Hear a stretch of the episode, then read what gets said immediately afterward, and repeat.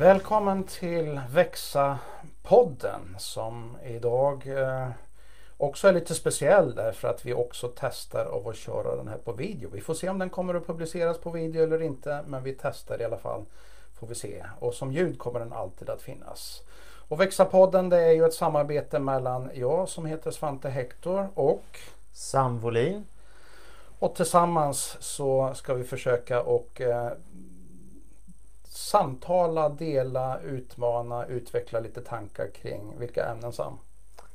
Idag är fokus eh, lärjungaskap och ledarskap på väg. Så det handlar om att följa Jesus och det handlar om att, att våga vara ledare också, våga ta ansvar. Mm. Så. så det blir ett spännande samtal. Ja, och man kan säga att det här är två sidor som hänger väldigt nära ihop. Ledarskap och lärjungaskap.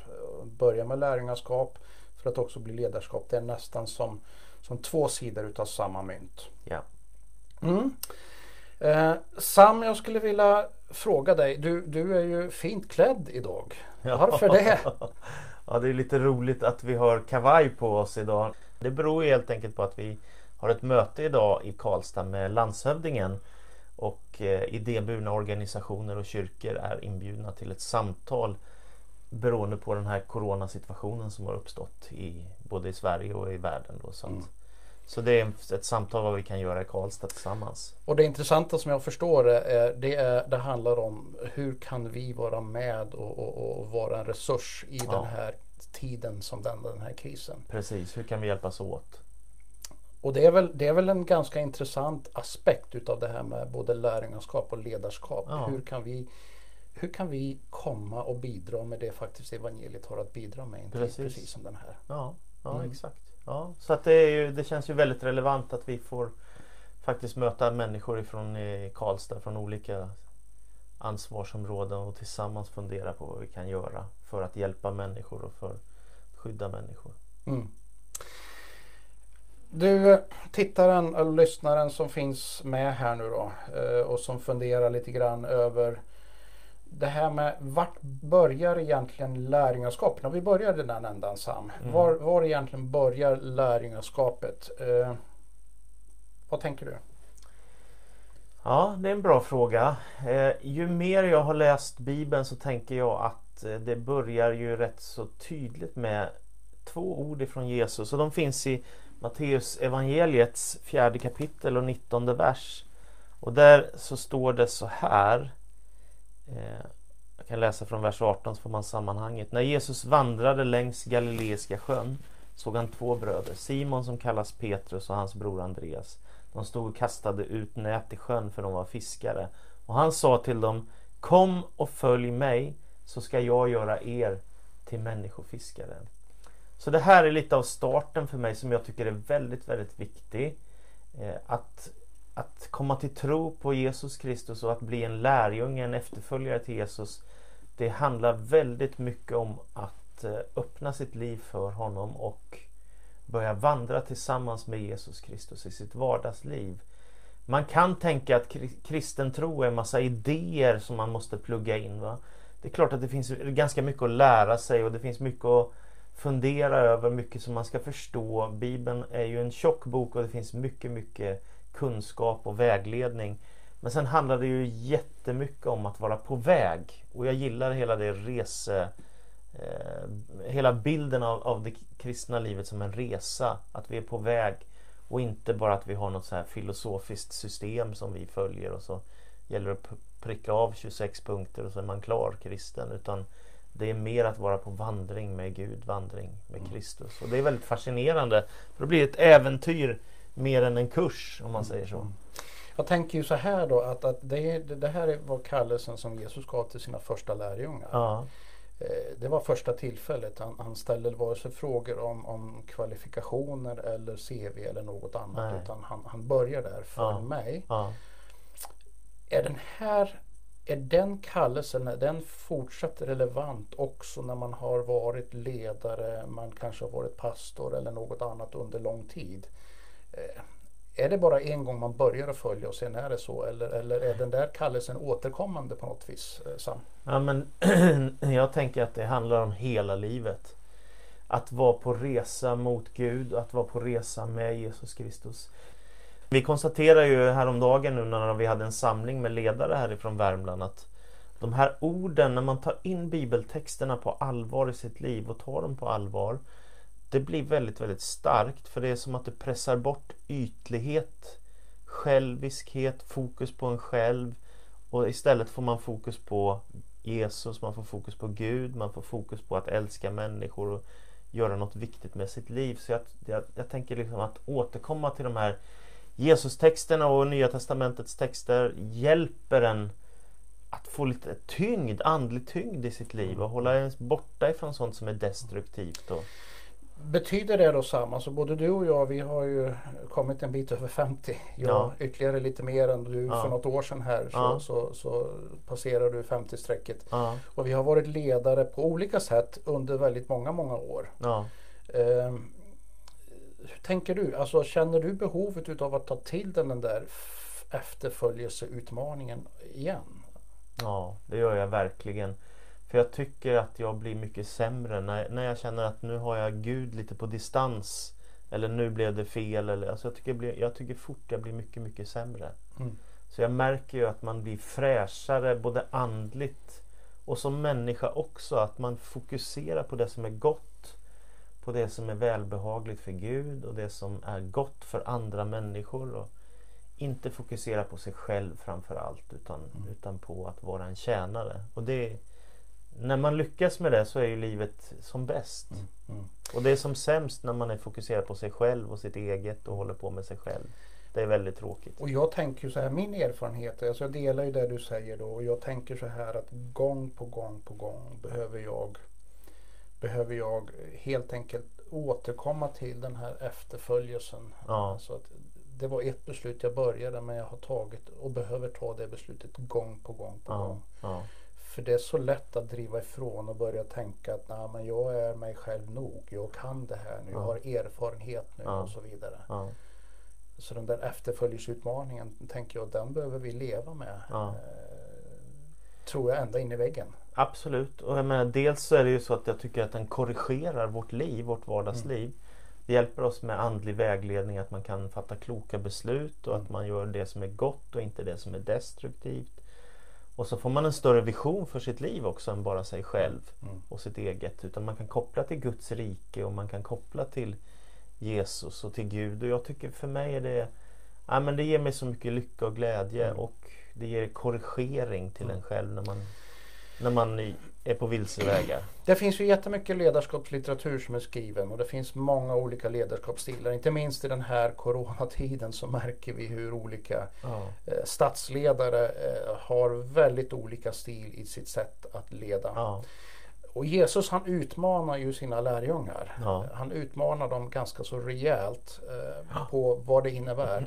Och så pratar han om att pratar han om att, att nej, men ni känner ledare som herrar vanligtvis. Ja, ja. Och så kommer han med, med, med, med men det är inte så det ska vara hos er. Vad säger Jesus? Ja, men Jesus när han talar om ledarskap, då, om vi också lyfter in den aspekten tydligare och inte bara lärjungaskap.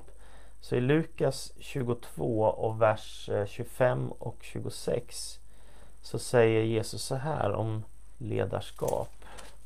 Folkens kungar beter sig som herrar över dem och de som har makten låter sig kalla välgörare. Men ni ska inte göra så. Den som är störst bland er ska vara som den yngste och ledaren ska vara som tjänaren. Jag tycker det är så fascinerande. Jag tänker på när jag var ung så tycker inte jag att man pratar så ofta om ledarskap som man gör nu utan det har ju blivit väldigt populärt senaste årtiondena, kanske de senaste 20, möjligtvis 30 åren. Som, som det är ett väldigt fokus på ledarskap och mycket kurser i management och empowerment och allt vad de kallar för häftiga ord om hur man kan leda. Eh, men jag tycker det är så fascinerande att för 2000 år sedan så får vi den bästa definitionen på ledarskap som man kan tänka sig. Att inte mästra med människor, inte bete sig som en kung som är herre över någon annan. Utan faktiskt vara som en tjänare. Och det, det blir ju, ja, men jag tycker det är så häftigt. Tjänande ledarskap det betyder helt enkelt att man, man är kärleksfull och bryr sig om andra mer än att man ska härska och regera. Och i den här boken som Hans Jansson har skrivit så såg inte jag först den, för vi läser ju den i vår, i vår församlingsledning just nu och såg inte jag att på bilden här så ser man ju faktiskt en fot som ska tvättas med en mm. handduk va? och ett kärl och det är bilden av Jesus som tvättar mm. lärjungarnas fötter. Det är en bild på Jesus ger på andligt ledarskap som är som, när det är som bäst. Men du Sam, en fundering som jag har och som jag vill jag tror att en del av våra lyssnare har också. Det är ju vad är egentligen skillnaden? För det är klart att man måste ju vara ledare. Man måste leda också om man är ledare. Ja. Men, men, men, men just att vara tjänande ledarskap, alltså det kan jag tänka mig att en del upplever lite problematiskt. Ja. Eh, hur tänker du kring det Sam? Alltså vad, vad innebär det att vara en ledare som leder och ändå vara eh, betjänande? Nej men det är, det är en jätteklok fråga och den är inte så enkel för det är precis som du säger en ledare måste ju kunna vara bestämd ibland om det behövs. En ledare måste kunna ha tydliga åsikter och det är klart att det betyder mycket att en ledare har en vision, en dröm och är på väg någonstans och entusiasmerar andra att vilja följa med på resan. Men om man börjar göra det med väldigt eh, fokus på sig själv och väldigt fokus på jag bestämmer och här ska minsann inte du. Och det är vad jag tycker som är viktigt och inte vad du tycker. Det, blir ju, det är ju hemskt. Mm. Och det tror jag egentligen vem som helst tycker. Vilken människa som helst kan konstatera det. Utan jag tänker att det, det, det är att människor blir involverade i en kärleksfull gemenskap och att man får vara med och tycka och tänka. Att det får vara högt i tak och att man går tillsammans på en väg. Det, det, tror jag. Och sen, sen också att det aldrig blir Det blir aldrig fult att ta fram en handduk och diska. Det blir aldrig fult. Alltså det är inte så att man skickar bara de tråkiga uppgifterna på de som som då i ett, i, en, i ett ledarskapssammanhang skulle kunna uppfattas som underställda och sånt. Utan man hjälps åt. Ibland kan man behöva göra för att visa vägen. Ja, det också. Mm. Mm. Ja. Jag tänker så här, jag har reflekterat mycket över det nu i, i den här tiden. Alltså att vara ledare innebär ju att värna om de som man leder. Ja.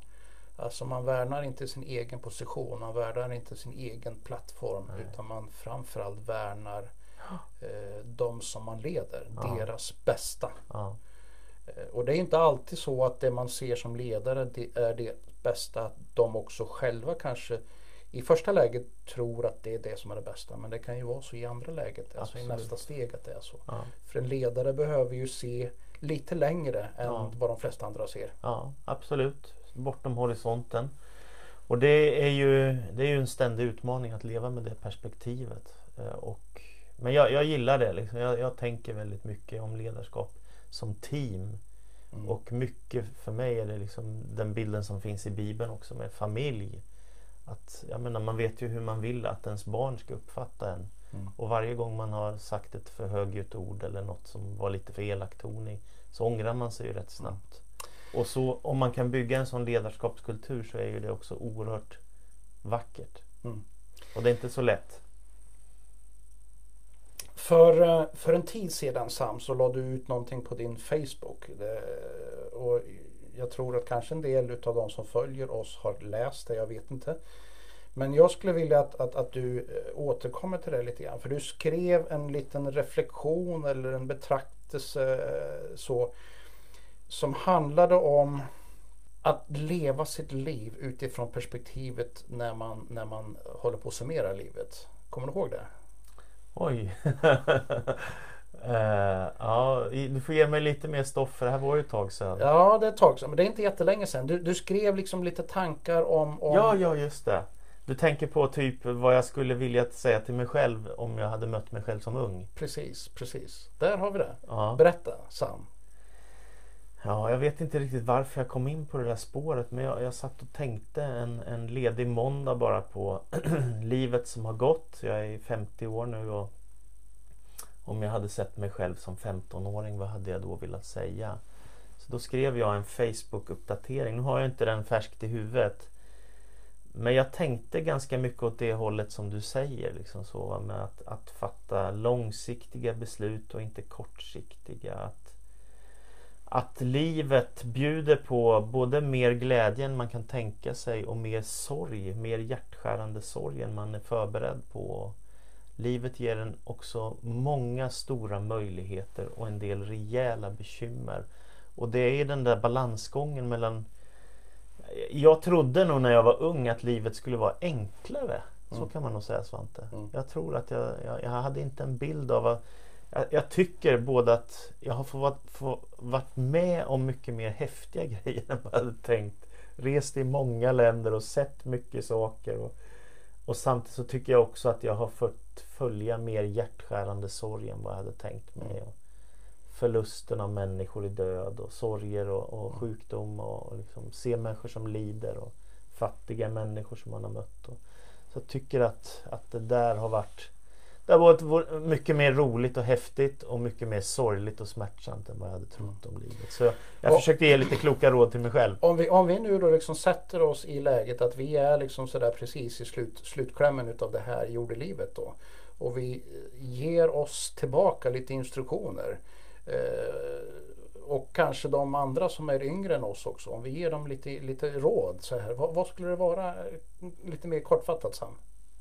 Det finaste och kanske det svåraste också det är att, att ha ett eh, långsiktigt livsperspektiv. Att, att vara en människa som man kan lita på. Det tänker jag kanske.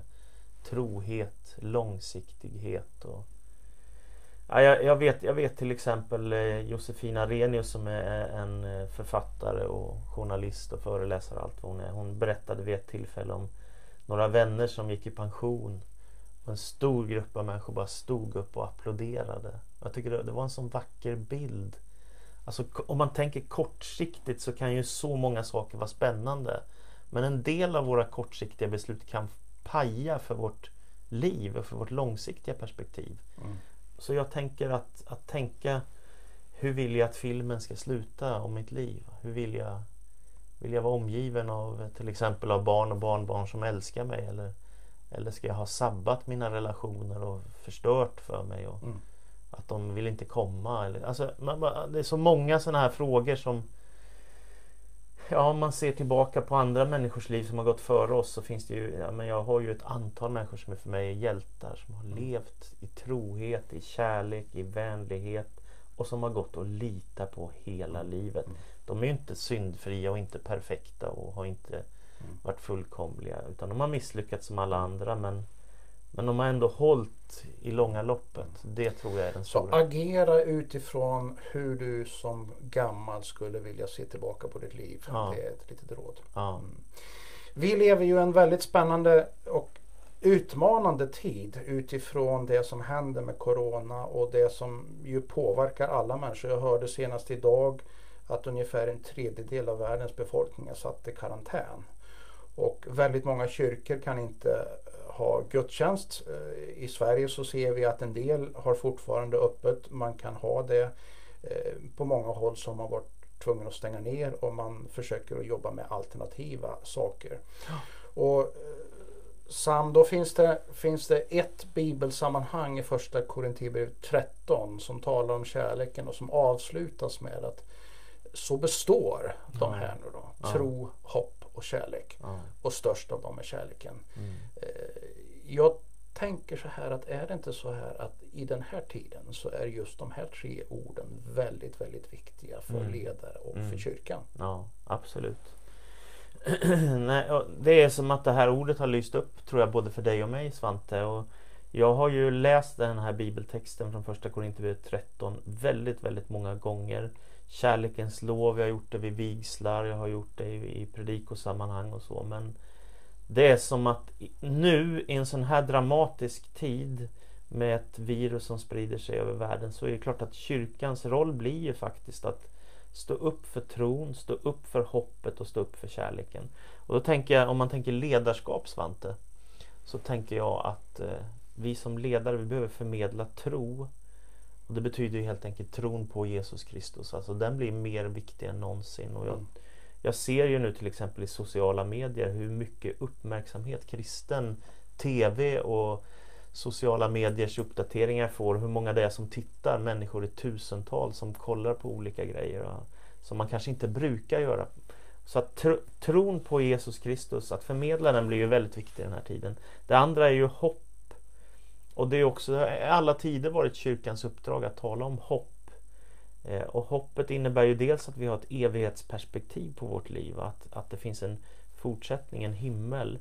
Men det är ju också att vi inte är här ensamma utan att Gud faktiskt är vid vår sida.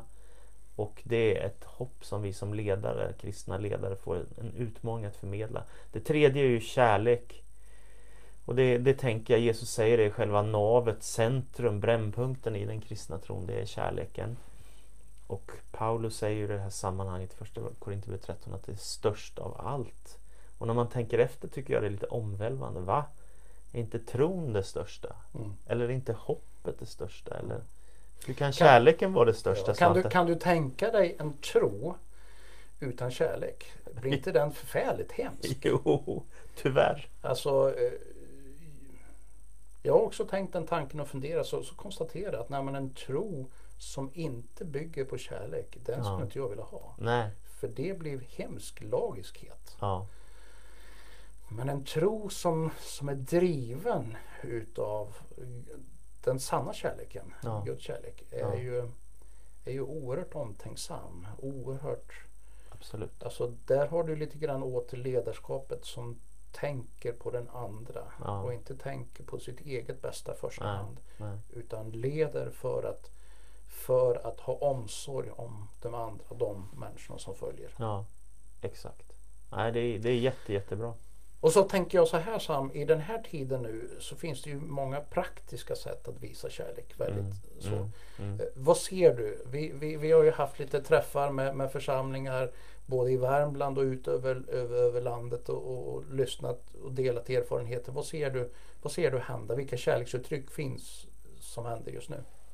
Det jag har uppfattat det är ju att folk faktiskt ganska snabbt har erbjudit sig jag såg ju du Svante, du var ju på här nu. Vi har, vi har eh, ett, vad ska man säga, det är en Facebook-sida för alla våra grannar här som bor där vi bor på Mjölnatorpet i Karlstad. Och du la ju ut en uppdatering att det är någon som behöver hjälp att handla mat så kan vi hjälpa till. Så, och direkt var det ett antal människor som reagerade. Jag såg Pingstkyrkan i Töcksfors nu har gjort ett samarbete med ICA.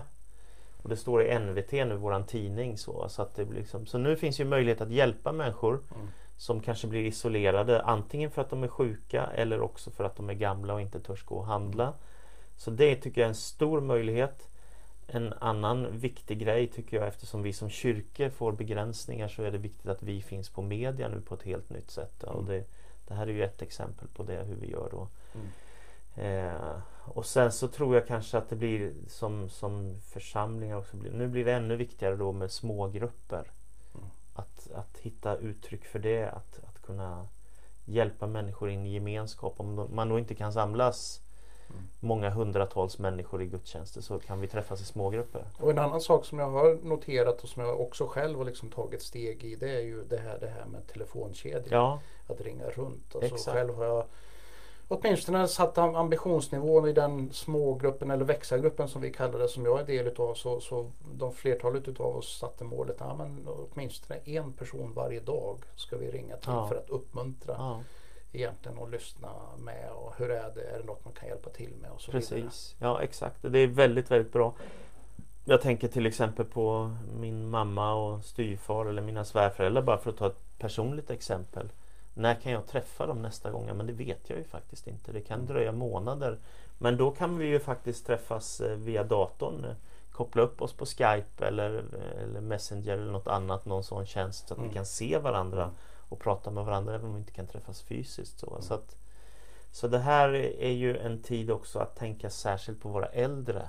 Mm. Det är också väldigt viktigt så, så att, för det är klart att en del av dem kan bli isolerade i månader nu. Och en del, jag noterar också att en del äldre kan ju känna sig lite undanskuffade. Alltså ungefär som att eh, nu, nu vi är inte så viktiga för nu ska vi hålla oss undan. 70-plussarna ska hålla sig undan. Ja.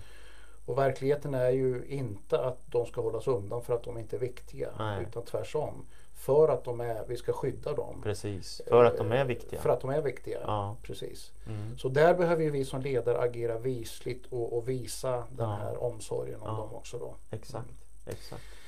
Du Sam, vi ska runda av det här samtalet alldeles strax och jag tänker att, att vi behöver bara landa lite grann. Alltså Petrus och Jesus har ju en spännande konversation i Lukas 21. Eh, ja, Johannes 21. Förlåt, Johannes 21. Mm. Johannes 21. Eh, och då Petrus har ju varit en av Jesu närmaste lärjungar. Mm.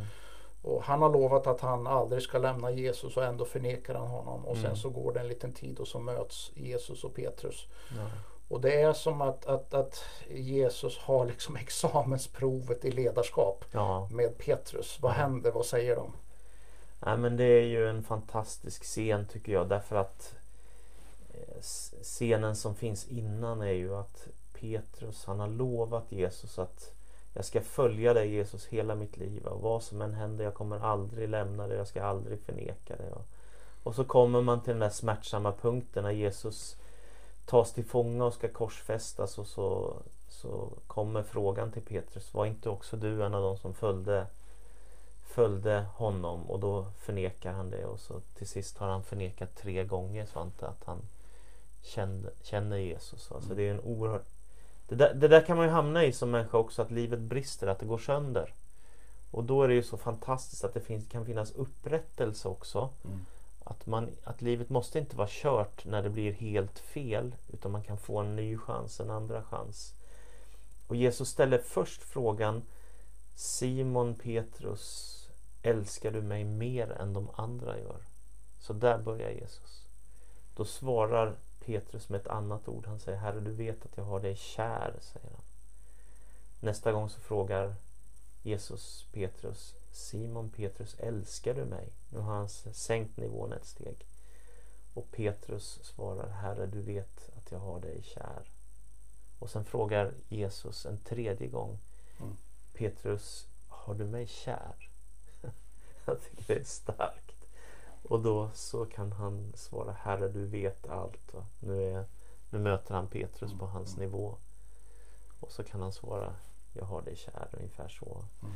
Så, att, så jag tänker att det här för mig är det här en upprättelsescen. Det har kraschat för Simon Petrus. Mm.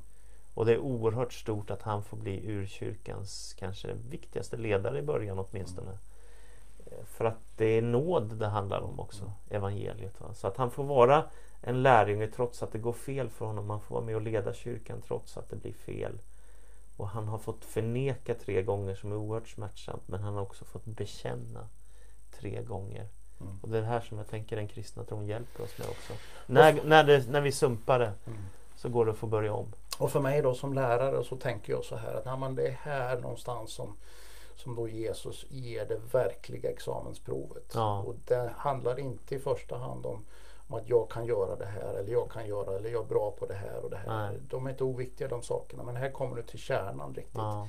Du kan aldrig leda och vara en ledare, en sann verklig ledare om inte Nej. du älskar. Nej. Och om vi pratar om i, i, den kristna tron eller med tron på Jesus då, du, alltså kärleken till Jesus är det som definierar lärjungaskap. Ja och ledarskap. Ja, precis. Eh, sant ledarskap. Ja, mm. exakt.